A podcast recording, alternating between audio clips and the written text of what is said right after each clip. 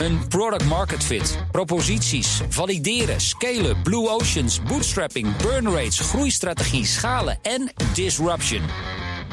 Zijn dit nou termen waar jij iets mee hebt? Dan zou ik zeker luisteren naar het groeiprogramma van de Nederlandse radio. Baanbrekende businessmodellen. Elke woensdag tussen half 2 en 2 op BNR en altijd online als podcast. Baanbrekende businessmodellen wordt mede mogelijk gemaakt door Salesforce. Verenig je rond je klant met Salesforce. Je kunt ons live of terugluisteren. Dat kan via de BNR-app. Daarin vind je bijvoorbeeld de tech-update. Download de BNR-app en blijf scherp. BNR Nieuwsradio.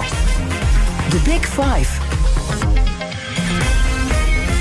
Diana Matroos. Wij hebben de verkiezingen er natuurlijk net op zitten. Maar de Amerikanen lopen zich nu steeds meer warm voor hun presidentsverkiezingen van 2024. Gaan we daarna ook een politieke kentering zien? En om die vraag te beantwoorden, zijn de Amerikanen tevreden over drie jaar Biden? Of hunkert het land naar nog een keer Trump? Dat en wat dat allemaal voor ons in Europa betekent, bespreek ik deze week met vijf kopstukken in BNR's Big Five van Bidens Amerika. En vandaag doe ik dat een heerlijk uur met onze eigen buitenlandcommentator Bernard Hammelburg. Uh, fijn uh, dat je er weer bent. Ja. Big Five uh, in ieder geval. Ja, heerlijk om hier te zitten. Dus, we hebben tijd, we hebben ja. tijd. en in die tijd gaan we in ieder geval de grootste binnenlandse uitdagingen voor Biden bespreken. Maar voordat ik dat ga doen, wil ik eerst aan je vragen: wat onderschatten wij hier in Nederland van het Amerika van nu op weg naar een nieuwe president van 2024?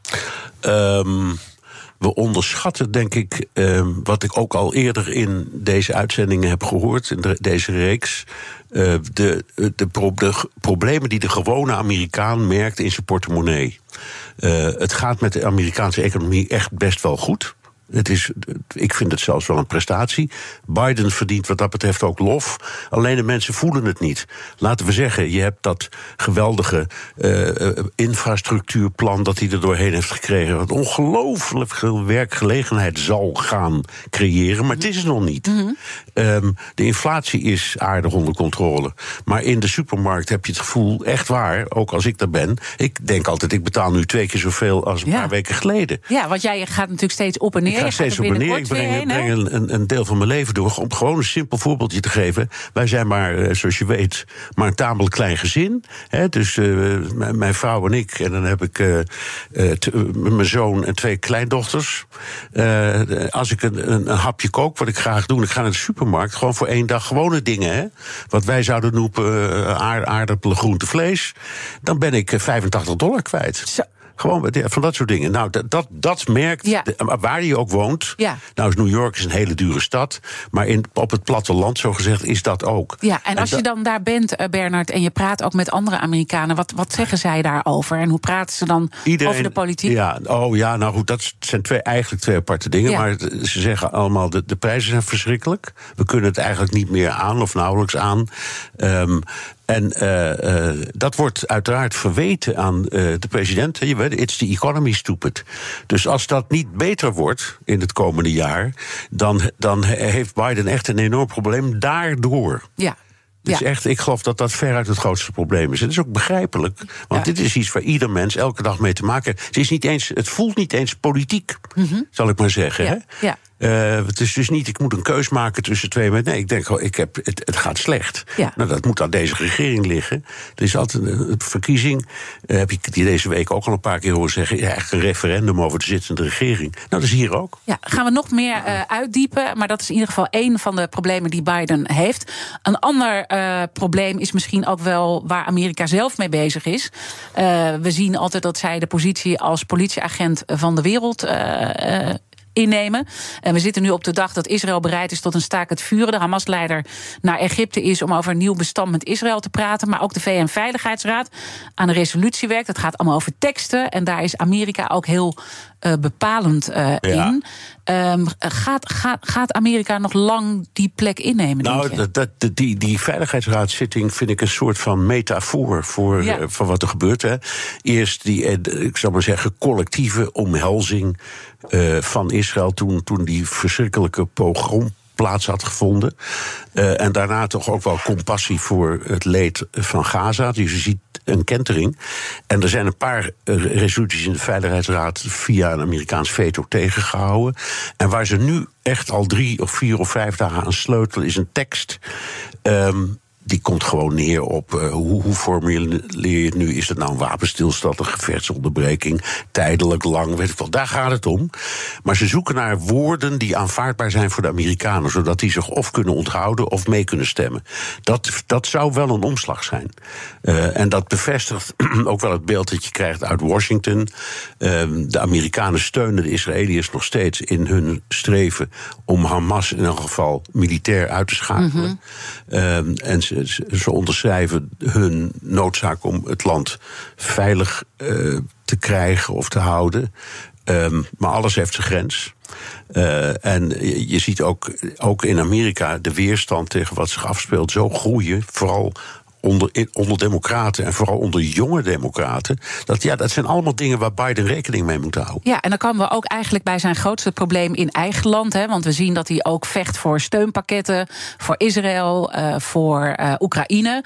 Maar dat hij het ontzettend uh, moeilijk heeft gezien de migratie. Hoe, hoe erg loopt dit uit de hand? Ja, dit, dit is een enorm probleem, omdat. Um, het, uh, eerst het Huis van Afgevaardigden, wat nog wel begrijpelijk is, want dat heeft een enorme grote, zeer conservatieve mm -hmm. republikeinse fractie, met daarin weer een hele fanatieke uh, Trumpistische vleugel. En die, zijn, uh, en die hebben maar één probleem, vinden zij, en dat is de toestroom van migranten. Dus die, die willen, uh, à la Wilders eigenlijk, de grens eigenlijk gewoon helemaal dicht. Uh, en uh, het is een ramp daar aan die grens. Dus die mensen hebben nog wel een punt ook hoor. En, en ze verwijten dat aan Biden. En ze zeggen: ja, we willen best praten over uh, Oekraïne, hulp aan Oekraïne en hulp aan Israël en hulp aan Taiwan. Maar we willen eerst echt een drastische ingreep aan die grens. En als jij, Joe Biden, daartoe bereid bent en daar met ons echt een goed plan over maakt, dan kun je wel weer terugkomen met die steunplannen. Ja. Dat is, nou, maar heeft hij een plan? Want hij heeft wel iets ja. van een plan gepresenteerd, maar ja. Nee. Het, is, het, het, nee, het heeft is, nog niet uh, de grote beweging gebracht. Nee, het heeft nog niet de grote beweging gebracht. Er is van alles geprobeerd. Hè. Maar, maar je kunt zeggen, na drie jaar modderen. Uh, het is, ik weet niet of je kunt zeggen dat het nog nooit zo erg is geweest, maar het zit er dicht tegenaan. En er zit een complicatie aan. Want wat hebben nou de gouverneurs van Texas en Florida gedaan? Uh, die hebben. Um, uh, duizenden, duizenden, tienduizenden vluchtelingen op bussen gezet en gedropt in New York City en in Washington en in Los Angeles. Dat zijn de zogenaamde sanctuary cities. Dus die hebben ja. als politiek dat ze in principe iedereen opnemen als die in de problemen zit. En die bussen die laten ze dan stoppen voor het huis van de burgemeester of voor het gemeentehuis. Zo van alsjeblieft. Alsjeblieft. Je hebt er toch geen probleem mee? Zijn nu, ja, ja, en nu, er zijn, de problemen zijn nu zo groot. En New York is zo overstroomd door, uh, nou ja, wat wij zouden zeggen, statushouders. Uh, dat uh, burgemeester Adams van New York heeft moeten besluiten om op alle uh, kostenposten, dus of dat nou politie is of brandweer of onderwijs, ga ze maar door, 5% te gaan bezuinigen. Dat is een enorme ingreep. Het is dus echt gewoon een totaal het, politiek dus het, spel Ja, geworden. maar het is dus ook echt een probleem dat niet alleen maar aan die grens speelt, maar dat, als een, als het, ja, dat zich over het hele land verspreidt. En iedereen heeft ermee te maken. En hoe denk je dat dit zich gaat ontwikkelen dan? Nou, er zal inderdaad iets moeten komen van een, uh, een veel strengere controle en veel strengere criteria. Um, uh, ze zullen, denk ik, harder moeten zijn in het terugsturen van uh, mensen. Maar de discussie is niet anders dan bij ons. Hoor. Mm -hmm. Wij hebben hetzelfde probleem. Dit, is, dit is ter apel, maar dan in het groot. Zo, ja. zo, kun je, zo moet je je voorstellen. Ja, en, en als je dan en daar uh, de wij politieke... Hebben wij, wij hebben toch ook geen oplossing nog? We, hebben, roepen wel van alles. Maar ondertussen is Ter Apel nog steeds een metafoor... Ja. Van, van het, vluchtelingenprobleem in Nederland. Nou ja, we hebben nu wel dan uh, na jaren uiteindelijk een migratiedeal hè, in Europa. Nou ja, dat we zeggen... Dat Met heel, alles moet nog nou, het is, gro groot nieuws, vind ik. Ja. Laten we dat voorop zetten, want ze hebben er jaren over gesteld. Nou, het, het, Euro, het zeggen, er is nu een overeenkomst... maar hij moet nog door het Europese parlement. En ik denk ook eerlijk gezegd door de Europese Raad. Dat zijn de, de, de, de, de regeringsleiders en, uh, en uh, premiers. Mm die moeten, denk ik, dit ook nog goedkeuren. Maar het is wel, het is wel een enorme stap. Ja, ja, ja en je ziet dus dat, dat we eh, naar een gezamenlijke grensprocedure willen gaan. Waarbij bepaalde procedures ook sneller moeten kunnen gaan. En mensen sneller teruggeduwd worden. Ja, nou, dat, dat kun je rechtstreeks leggen op de situatie aan de Mexicaans-Amerikaanse uh, grens. Ja. Ja, en, en de staten die daar zitten. Want wat je er ook, je kunt zeggen, ja dat is allemaal uh, smerig rechts. Dat ze geen oog hebben voor het leed van al die mensen die naartoe komen. En dat leed is er en het is heel groot. Maar op een bepaald moment moet je er toch palen en perk aan stellen. Ja. Uh, het is niet anders. Ja, wetende ook dat we alleen maar meer uh, migratie zullen krijgen als gevolg van het klimaatprobleem. Ja, en Biden heeft dat gewoon in drie jaar niet kunnen oplossen, laat ik het zo zeggen. Ik vind mhm. dat hij slecht heeft aangepakt. Hij heeft eerst Kamala Harris erop gezet, maar die is met de buurlanden gaan praten. En uh, die heeft er niks van gebakken. En vervolgens heeft hij het zelf de hand geprobeerd te nemen. Ook niet gelukt. Dus zeggen, die Republikeinen hebben gewoon een punt. De Big Five. Diana Matroos. Mijn gast is BNR's buitenlandcommentator Bernard Hammelburg. Je geeft duidelijk aan wat de spanning nu is uh, daar als het gaat om migratie. Uh, dit heeft uiteindelijk ook effecten op de bedragen die naar steunpakketten gaan uh, voor Oekraïne ook onder andere. daar zag je echt een bedrukt gezicht ook van Zelensky, die natuurlijk wel heeft geprobeerd dat in beweging te krijgen. Ik kan geen gedachten lezen, maar als je het gezicht nou, zag, die is niet blij. Nou, was ook niet moeilijk om het nee. te zien. Nee. Nou, maar het is ook vreselijk, want dat is wat je in het Amerikaans noemt een double whammy. De Europese Unie, die, uh, die stagneert. In uh, het, die hebben nu de volgende vergadering pas op 1 februari gepland over, de, over hulp aan, aan Oekraïne. Dat is echt een dreun in zijn gezicht. Ja, want het zou eigenlijk voor het kerstreces afgerond moeten zijn, helaas niet gelukt. En, en wat Amerika betreft. Uh, ja, uh, ook daar. Uh, Biden heeft hem een paar weken geleden zelf uitgenodigd om zelf te komen praten met die uh, leden van het huis en de senatoren die, die er moeilijk over doen. En dat heeft niks opgeleverd. Dus het, het, dat, dat, dat is ook weer een double whammy. Want het feit dat, dat um, Biden moet besluiten om Zelensky erbij te halen om hem te helpen lobbyen als lobbyist daar, daar, kwam het op neer. Mhm. Ja, ik weet ook niet of dat politiek nou zo handig was, maar het heeft niets geholpen. Dus Zelensky is uiteindelijk met lege handen teruggegaan. Nou is er nog wel iets over uit het oude potje hoor. Dus het is niet zo dat hij helemaal niets meer krijgt. Maar de pot die voor uh, Oekraïne is gereserveerd in het plan van Biden is 61 miljard dollar. En die, die, die, dus die is in de begroting die Biden heeft gemaakt, gereserveerd. Maar het wordt niet goedgekeurd door, uh, door het parlement. Nee, dus dat is echt een, uh, een groot uh, probleem. En dan zou je denken, oké, we gaan straks, zeker vanaf januari gaat het vol uit hè, in Amerika met die verkiezingen. De voorverkiezingen die we dan gaan krijgen. En het hele nou ja, circus wordt dan op de wagen komt. Gaat die geopolitiek ehm, niet in het voordeel spelen van Biden? Want dat vindt hij belangrijk. Daarom ja.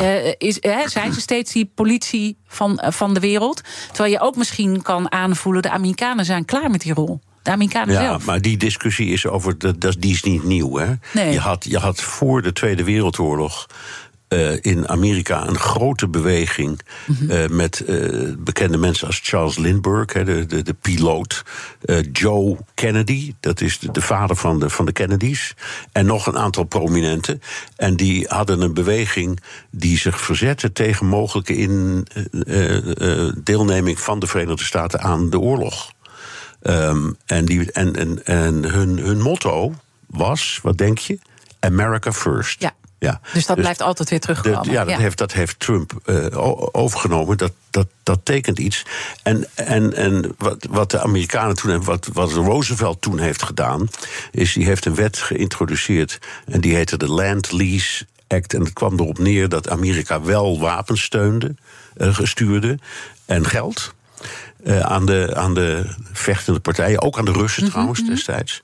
Eh, maar zelf niet meedeed. En dat, dat heeft hij volgehouden. Ja, toen kreeg je Pearl Harbor, toen hadden de Amerikanen geen keus meer. En het verhaal is dat ehm, Churchill, toen dat gebeurde, een dansje heeft gemaakt om zijn bureau. Omdat hij dacht, nou krijg ik eindelijk de Amerikanen mee. Want zonder de Amerikanen was het niet oplosbaar. Ja. En eh, dat is nu. Dus dan zie je dat de geschiedenis eh, en- herhaalt zich. ja, en- maar daar, en- daar zit Biden natuurlijk wel in een ontzettend moeilijk pakket... hoe hij zich moet gaan positioneren in de komende maanden. Ja, maar, ja, maar dat, dat is waar. Maar ehm, eh, zeggen, voor Bi- Biden is een buitenlandman. Ja. Dat is, hij- dat is al. Ja.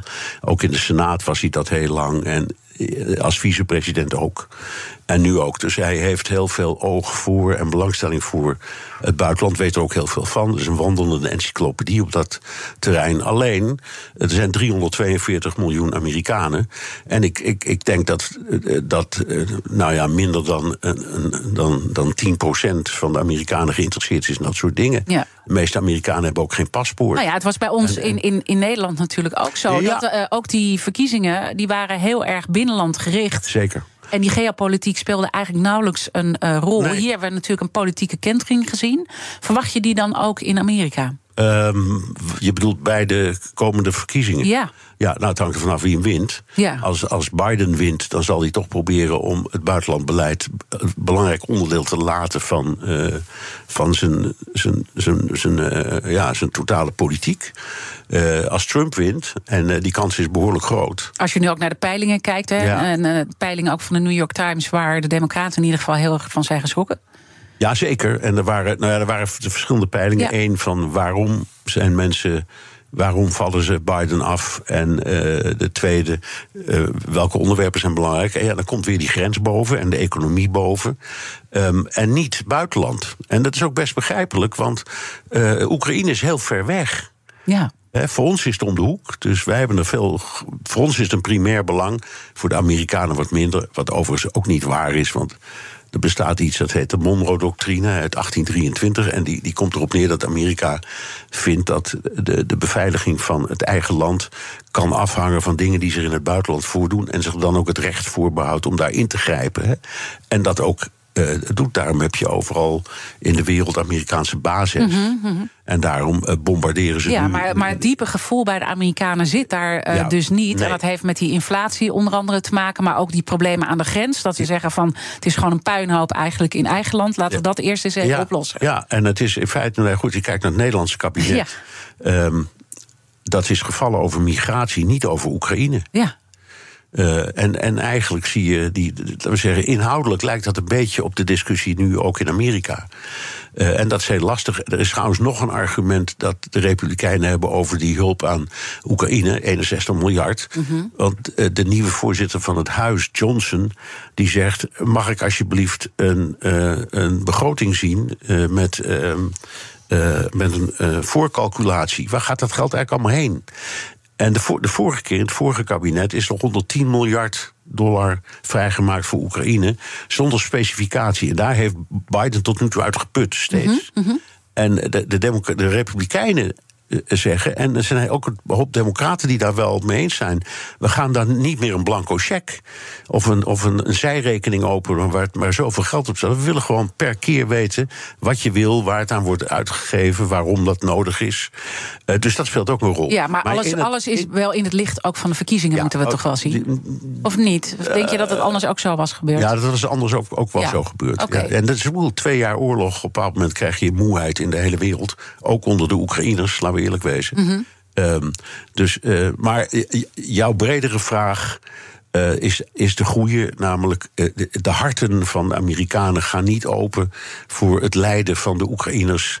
ehm, of de Israëliërs of de Gazanen. Het, het hart van de Amerikanen gaat eh, vooral over. Inflatie. Gewone dingen. En, En de ik- migratieproblemen ik aan de ik geef altijd als voorbeeld Montana. Dat is, Mhm. dat is de op twee na grootste staat in oppervlakte. Na Texas en Californië. Daar wonen 900.000 mensen. Dus dat is niks. Het is, er wonen net zoveel mensen als in Amsterdam. Ehm, en eh, de, de afstanden die die mensen moeten afleggen om hun kinderen naar school te brengen en naar hun werk te komen, die zitten elke ochtend twee uur in de auto en elke middag ook weer twee uur Ja, in de dat auto. bedenk, dat bedenk me ook altijd als ik klaag over ja, afstanden. Ja, en als, maar als daar de benzine een duppie omhoog Ja, gaat, dan ja. kunnen ze geen vlees meer eten. Nee. Dus het is goed, Dus goed voor te zo stellen. zit, ja, en zo denkt dus een kiezer. Ja, ja. Die, kijkt om zich heen en die kijkt naar zijn eigen omstandigheden. Ja. En op grond daarvan bepaalt hij zijn keuze. En als je dan de grote rivaal van Biden pakt, dan kom je toch bij Trump uit. Die eh, natuurlijk een heel duidelijke visie heeft als het over migratie gaat. Je hebt ook een eh, snoeiharde column afgeschreven vandaag. Ja, nou ja, precies. Nou ja, dat komt omdat eh, hij eh, eh, vreselijke taal heeft, heeft gebruikt bij een verkiezingstoespraak in New Hampshire. En dan noemde, hij noemde het de immigranten de, de vervuiling van het Amerikaanse bloed. En dat, die zin komt rechtstreeks uit Mein Kampf. Dus dat is echt, daar, daar schrok ik een hoedje van. Ja. En ik niet alleen. Eh, dat is een spijkerharde opstelling. Maar die, als je naar de inhoud kijkt en even de retoriek vergeet, dan is zijn uitgangspunt hetzelfde als waar Geert Wilders voor altijd op heeft aangedrongen. Ik weet niet hoe het nu afloopt. Maar als je aan Geert Wilders vraagt, dat zegt hij ook van hoe, hoe, hoeveel migranten kunnen we dan nog opnemen? Dan is zijn antwoord altijd nul. Ja, Geen enkele. precies. En dat is wat. Dat was in de verkiezingen zijn Ja, tekst. en dat, ja. en dat is wat Trump ook vindt. Ehm, en daarbij, en hij heeft behoorlijk veel steun. Die steun neemt enorm toe. Wat dat betreft zijn de peilingen ook wel op zijn hand. En een van de dingen waar, waar ik vaak naar kijk, is hoe Latino's daar nou naar kijken. Want gaat natuurlijk, die immigranten zijn voor een heel groot deel eh, Latino's. Latino's zijn zeer pro-Trump. Eh, aan het worden. Dat waren ze al een beetje, maar nu helemaal. En waarom? Omdat ze zeggen, wij zijn ook naar Amerika gekomen... maar wij hebben allemaal keurig netjes visa aangevraagd... en groene kaarten aangevraagd en we, jaren moeten wachten... en wij betalen hier keurig belastingen... En, en zorgen voor onze eigen kinderen. En dan komen er stelletje boenders...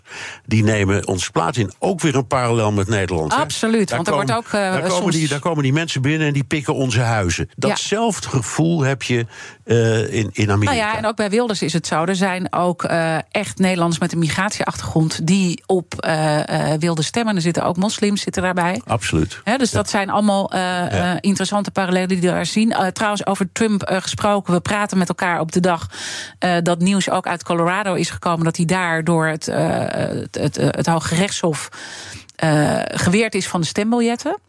Ja. Is dat iets wat hem eh, raakt of eh, schade ja, kan berokkenen? eh, Ja, ja, nou, het, het kan, ja, dat kan hem. Nou, niet echt. Want kijk, Colorado is bij mijn weten altijd een democratische staat. Dus dat, we weten al hoe de uitslag van de verkiezingen is. Maar dit gaat over de voorverkiezingen. Ehm, en in die zin is het niet onbelangrijk natuurlijk. want dan kan Nikki Haley wel meedoen. En Ron DeSantis ook. En hij niet. Eh, en dat is voor een narcist zoals eh, eh, Trump is waarschijnlijk een ontzettende dreun het gezicht. Alleen ik vraag me af of het houdbaar is. Hij gaat ongetwijfeld in beroep. En het zou me niet verbazen als hij dat wint. Maar als hij het niet wint, dan gebeurt er iets heel interessants. Want dan wordt het een, ehm, eh, iets wat, ehm, eh, eh, wat andere staten wellicht gaan kopiëren. Dan komt hij echt dan een beetje in de problemen. Als hij in een andere staten ook niet mee mag doen aan de voorverkiezingen. Ja, dat wordt wel heel Ja, lastig. ja. Want het gaat om het, om het verkrijgen van, van afgevaardigden naar de conventie. Nou ja, daar kan een deuk in komen. Ja, dus nu valt het nog wel mee, maar dat is even de vraag hoe dat afloopt. En sowieso is het natuurlijk één grote puinhoop met al die rechtszaken tegen beide eh, nou, er presidentskandidaten. als je ze allemaal optelt, de Amerikanen zeggen, je weet, een rechtszaak wordt vaak in, in, in 14 delen op, opgesplitst.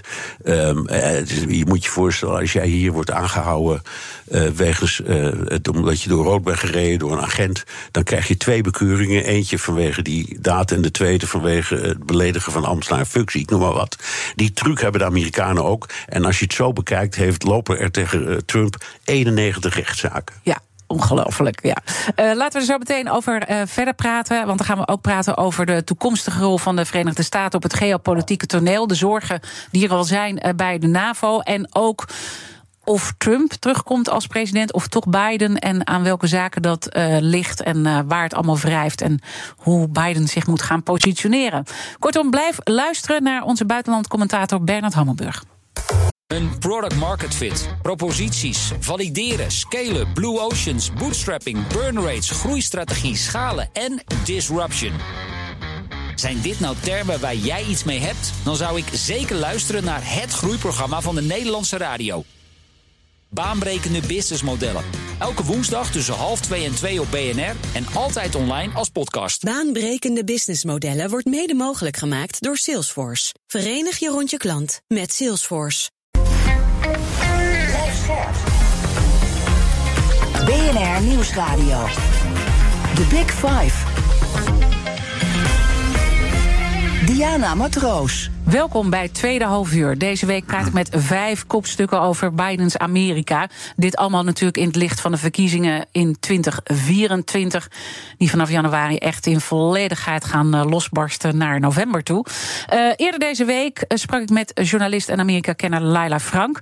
Onder andere over de vrouwenrechten die in de Verenigde Staten onder druk staan. En ook invloed hebben op de verkiezingen. Luister het allemaal terug via bnr.nl of de bekende podcastkanalen. Mijn gast vandaag is onze eigen buitenlandcommentator Bernard Hammelburg. Komend half uur wil ik in ieder geval nog twee onderwerpen met je bespreken. Jouw verwachtingen voor Bidens uh, laatste termijn en de geopolitieke positie van de Verenigde Staten en de invloed die dat allemaal ook heeft op de NAVO. Maar voordat we dat gaan doen, wil ik heel graag uh, de kettingvraag laten horen van Philip Marij. Bernard, de gast die ik gisteren sprak, macro-econoom Verenigde Staten voor de Rabobank. Luister maar. Ik zou Bernard willen vragen, als hij zou willen speculeren... hoe zou een Ronald Reagan nou tegen de huidige Republikeinse Partij aankijken? En denkt hij dat Ronald Reagan, zoals hij toen was... nu nog uh, kans zou maken om de Republikeinse nominatie te krijgen... voor, voor het presidentschap van, uh, van Amerika? Dat is een goede vraag. Echt waar. Uh, ik denk er zelf ook namelijk met grote regelmaat aan, omdat Ronald Reagan toch wordt gezien als het voorbeeld van de moderne Republikeinse Partij. Alleen dit is duidelijk zijn partij niet meer. Want het, hij was in elk geval in de manier waarop hij zich uitdrukte en omging met mensen, ook met de oppositie. Uh, altijd super beleefd en vriendelijk, maakte grappen. Uh, en was wel een hele fanatieke man hoor, toch? Een aantal mm -hmm. opzichten. Um, zou die uh, wat er nu gebeurt afkeuren? Absoluut. Hij zou zeggen: dit is onbeschoft, onbeleefd, dit is niet waar wij voor staan. Inhoudelijk zijn er heel veel dingen die, waarin die overeenkomt met mm -hmm. Trump. Ik noem er maar één.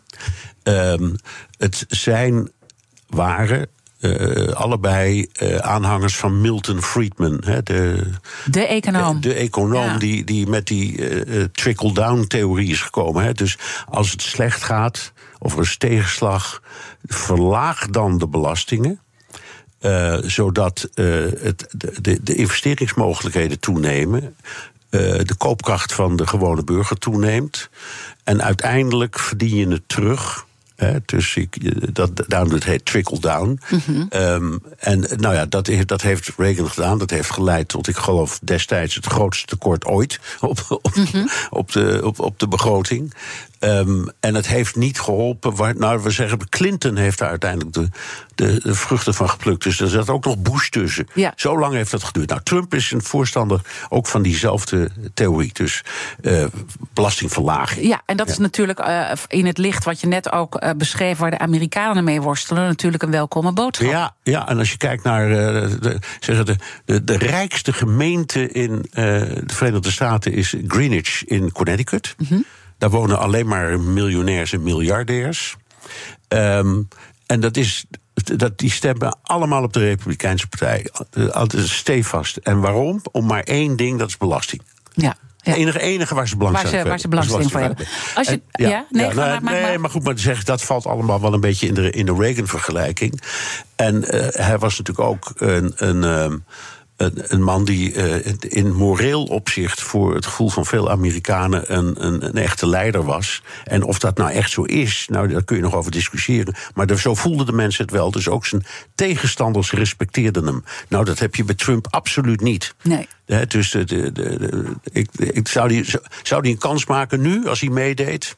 Ik, ik weet het niet eens. Nee, want als we daarover ja. doorpraten en we kijken even naar de Republikeinen in het nu. Uh, hoe zou je ze typeren? Wat, wat drijft ze? Nou, ik, ik heb. Dat, was er maar één Republikeinse partij. Maar het, laten we zeggen, het, het traditionele Republikeinse gedachtegoed. Uh, wat rechtsliberaal was. Mm -hmm. hè, dit was de.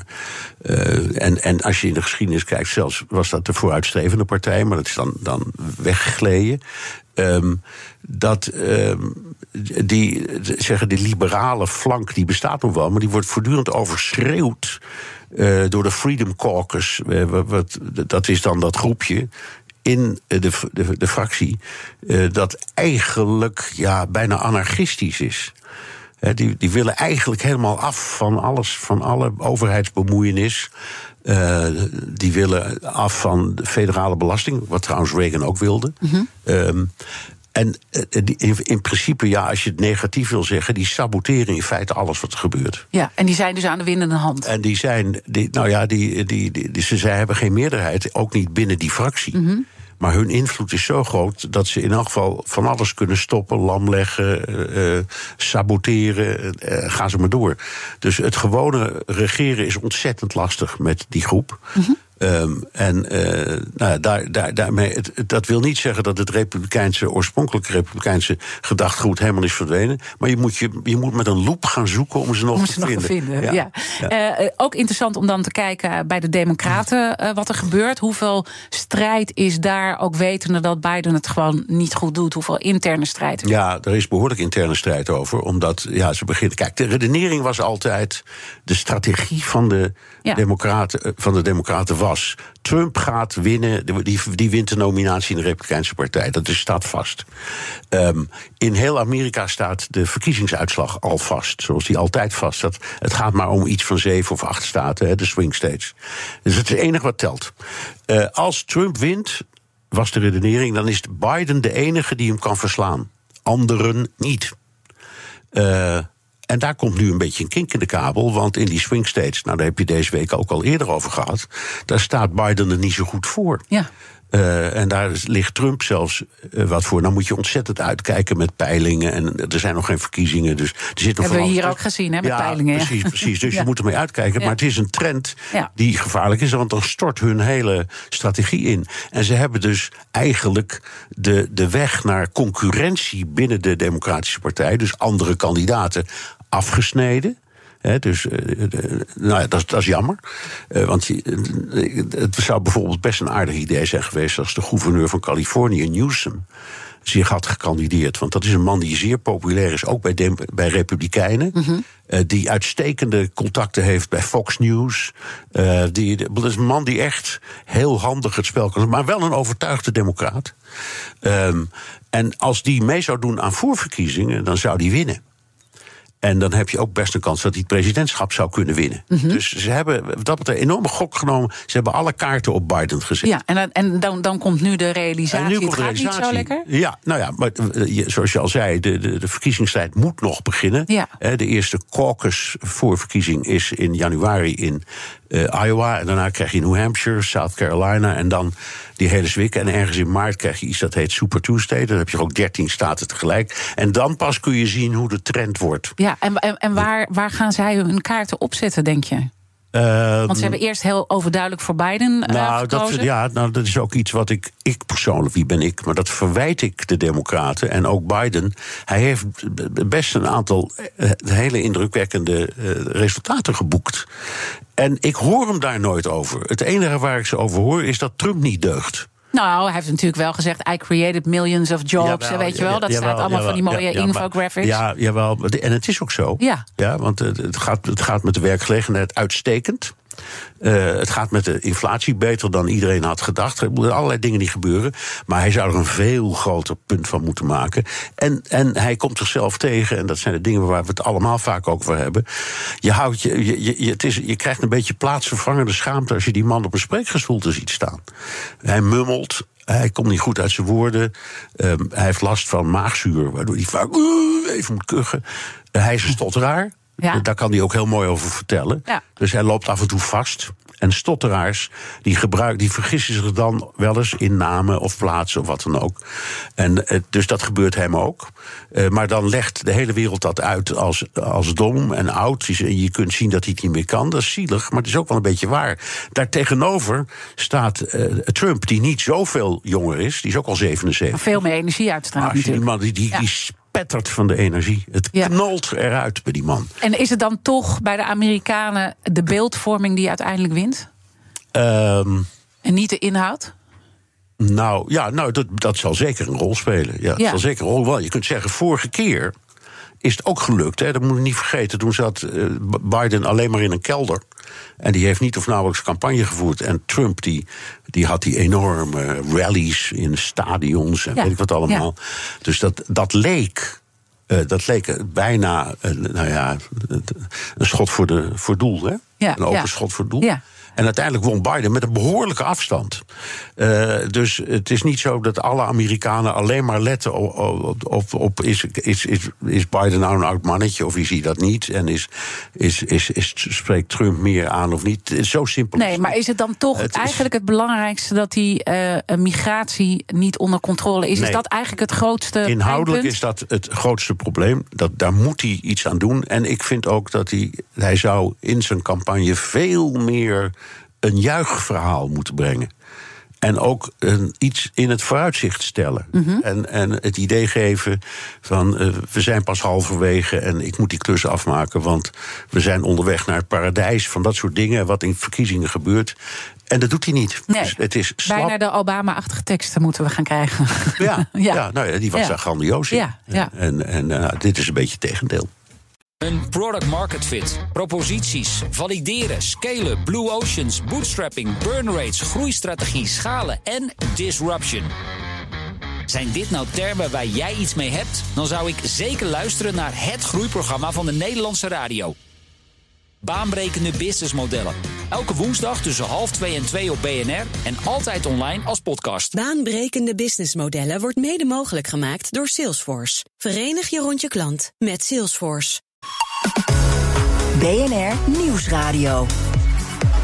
The Big Five. Diana Matroos. Je luistert naar BNR's Big Five van Bidens Amerika. Morgen dan praat ik nog met jurist en Amerika-kenner Kenneth Manusama. Onder andere over de rol uh, van de Amerikaanse grondwet tijdens deze verkiezingen. En mijn gast vandaag is buitenlandcommentator Bernard Hammelburg. Uh, en altijd uh, de hele dag te horen op deze nou, zender. Ja. en daar genieten we allemaal van. Maar ja. Nou, het is een beetje toeval. We hebben een rubriek in, ja. in zaken doen. En, die heet Blik op de Wereld. Ja. En, en dat, die doe ik af en toe. En Geert-Jan Haan doet hem af en toe en ook anderen. En toevallig is het vandaag mijn beurt. Ja. ja. nou, maar je doet gewoon ontzettend ja. veel en dat is alleen maar ontzettend uh, mooi. Um, we hebben al een paar belangrijke punten uh, gekraakt. Dus de, de, de, de problemen waar Biden uh, mee zit. Het is ook een beetje een rapportcijfer van de afgelopen jaren. Hè. Je zegt ook wel dat hij niet helemaal terecht dat rapportcijfer krijgt, maar deels uh, wel. En dat heeft met name met die migratie te maken.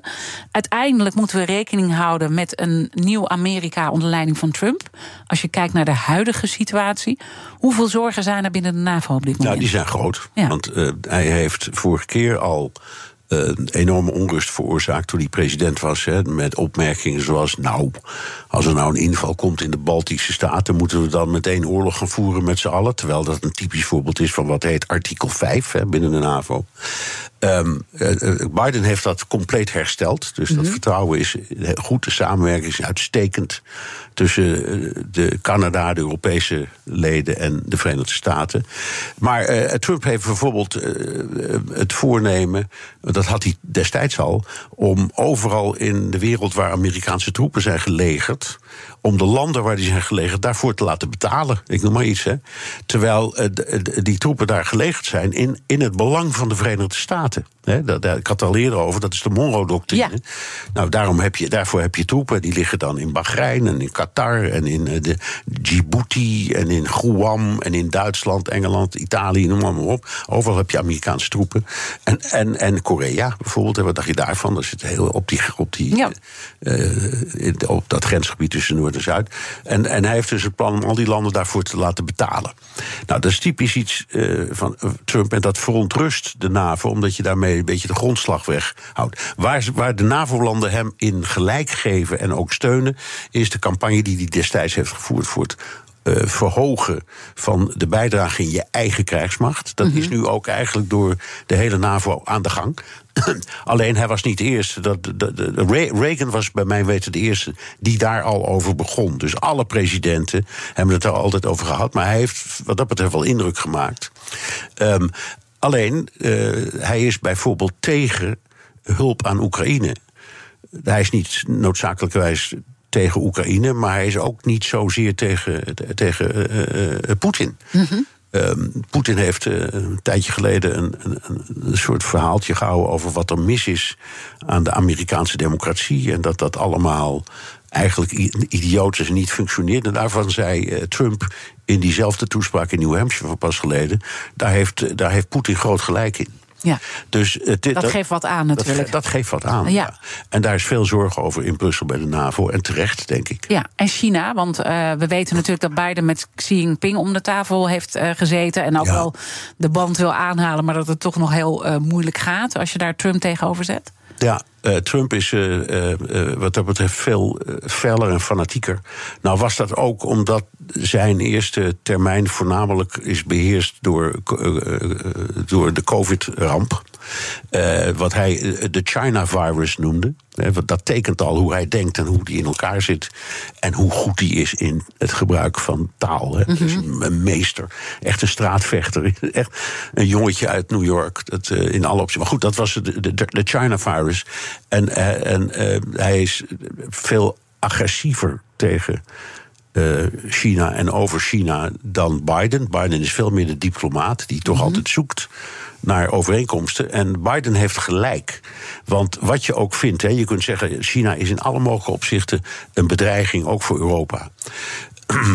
maar tegelijkertijd, de economieën van China en Europa en Amerika zijn tot in elkaars haarvaten verweven. Dus je kunt wel van alles roepen en willen, maar zolang er te staan in China uh, assemblagefabrieken van Boeing en Airbus. Die worden daar gemaakt. De helft van alle Volkswagens worden in China gemaakt. Ik mm noem maar wat. Hè. Mm -hmm. dat, is allemaal, dat zijn gewoon feiten. 90% eh, van alle antibiotica die Amerikanen slikken, wordt in China gemaakt.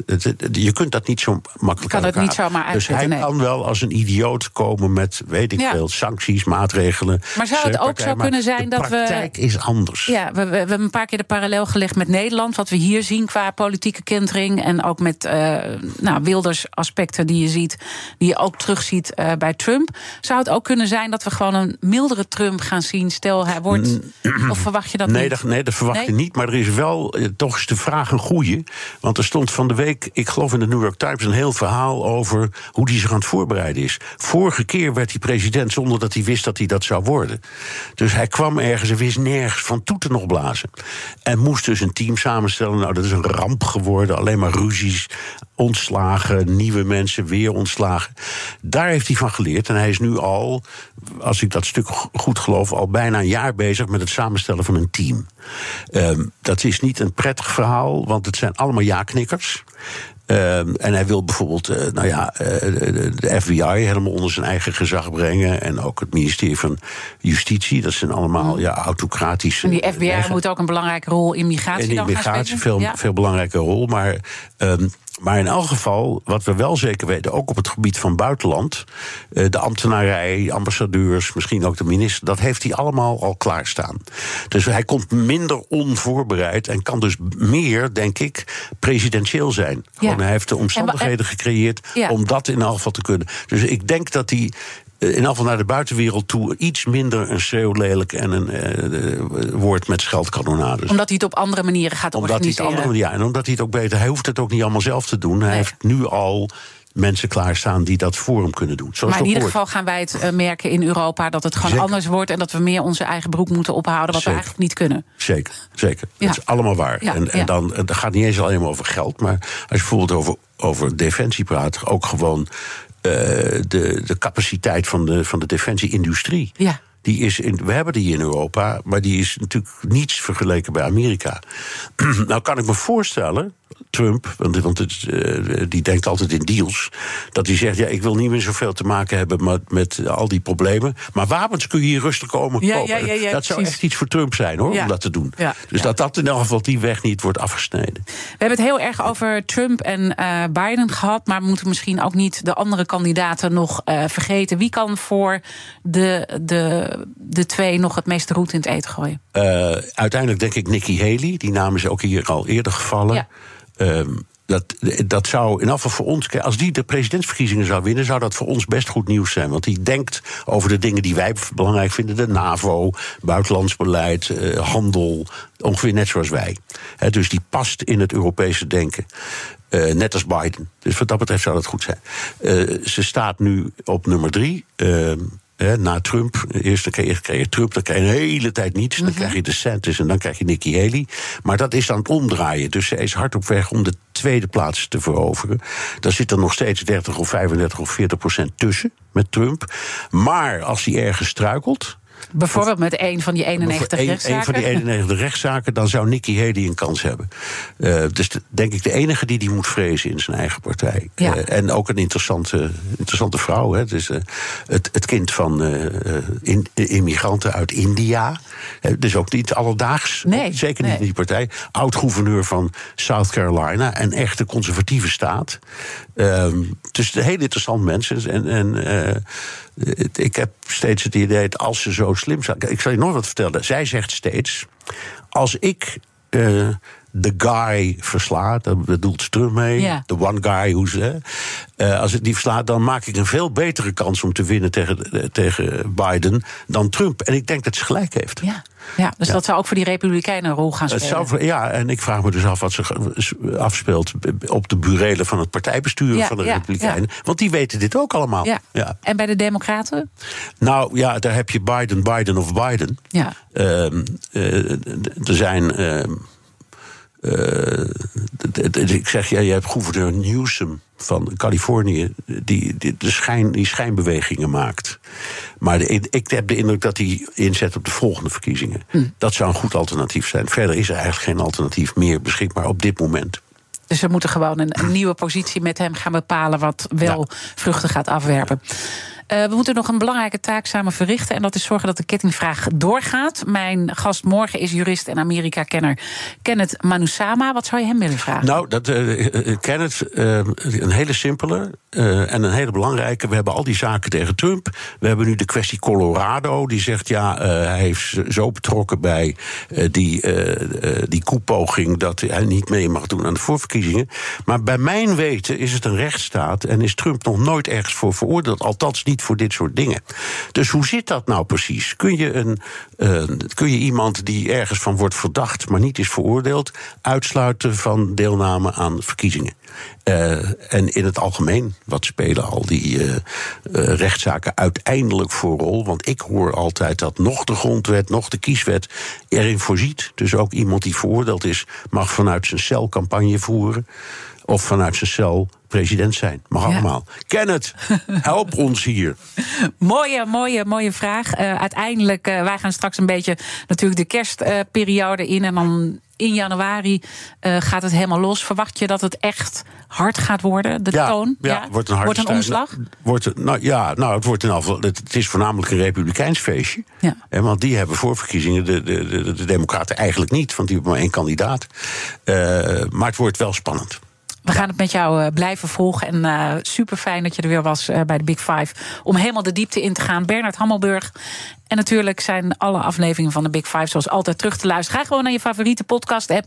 Vind het allemaal terug. En luister zeker zometeen naar BNR Zaken doen met Thomas van Zijl. En dan krijg je Bernard ook weer terug. Over welk onderwerp, Bernard? We gaan het hebben over um, Oekraïne. Oekraïne, ja. goed.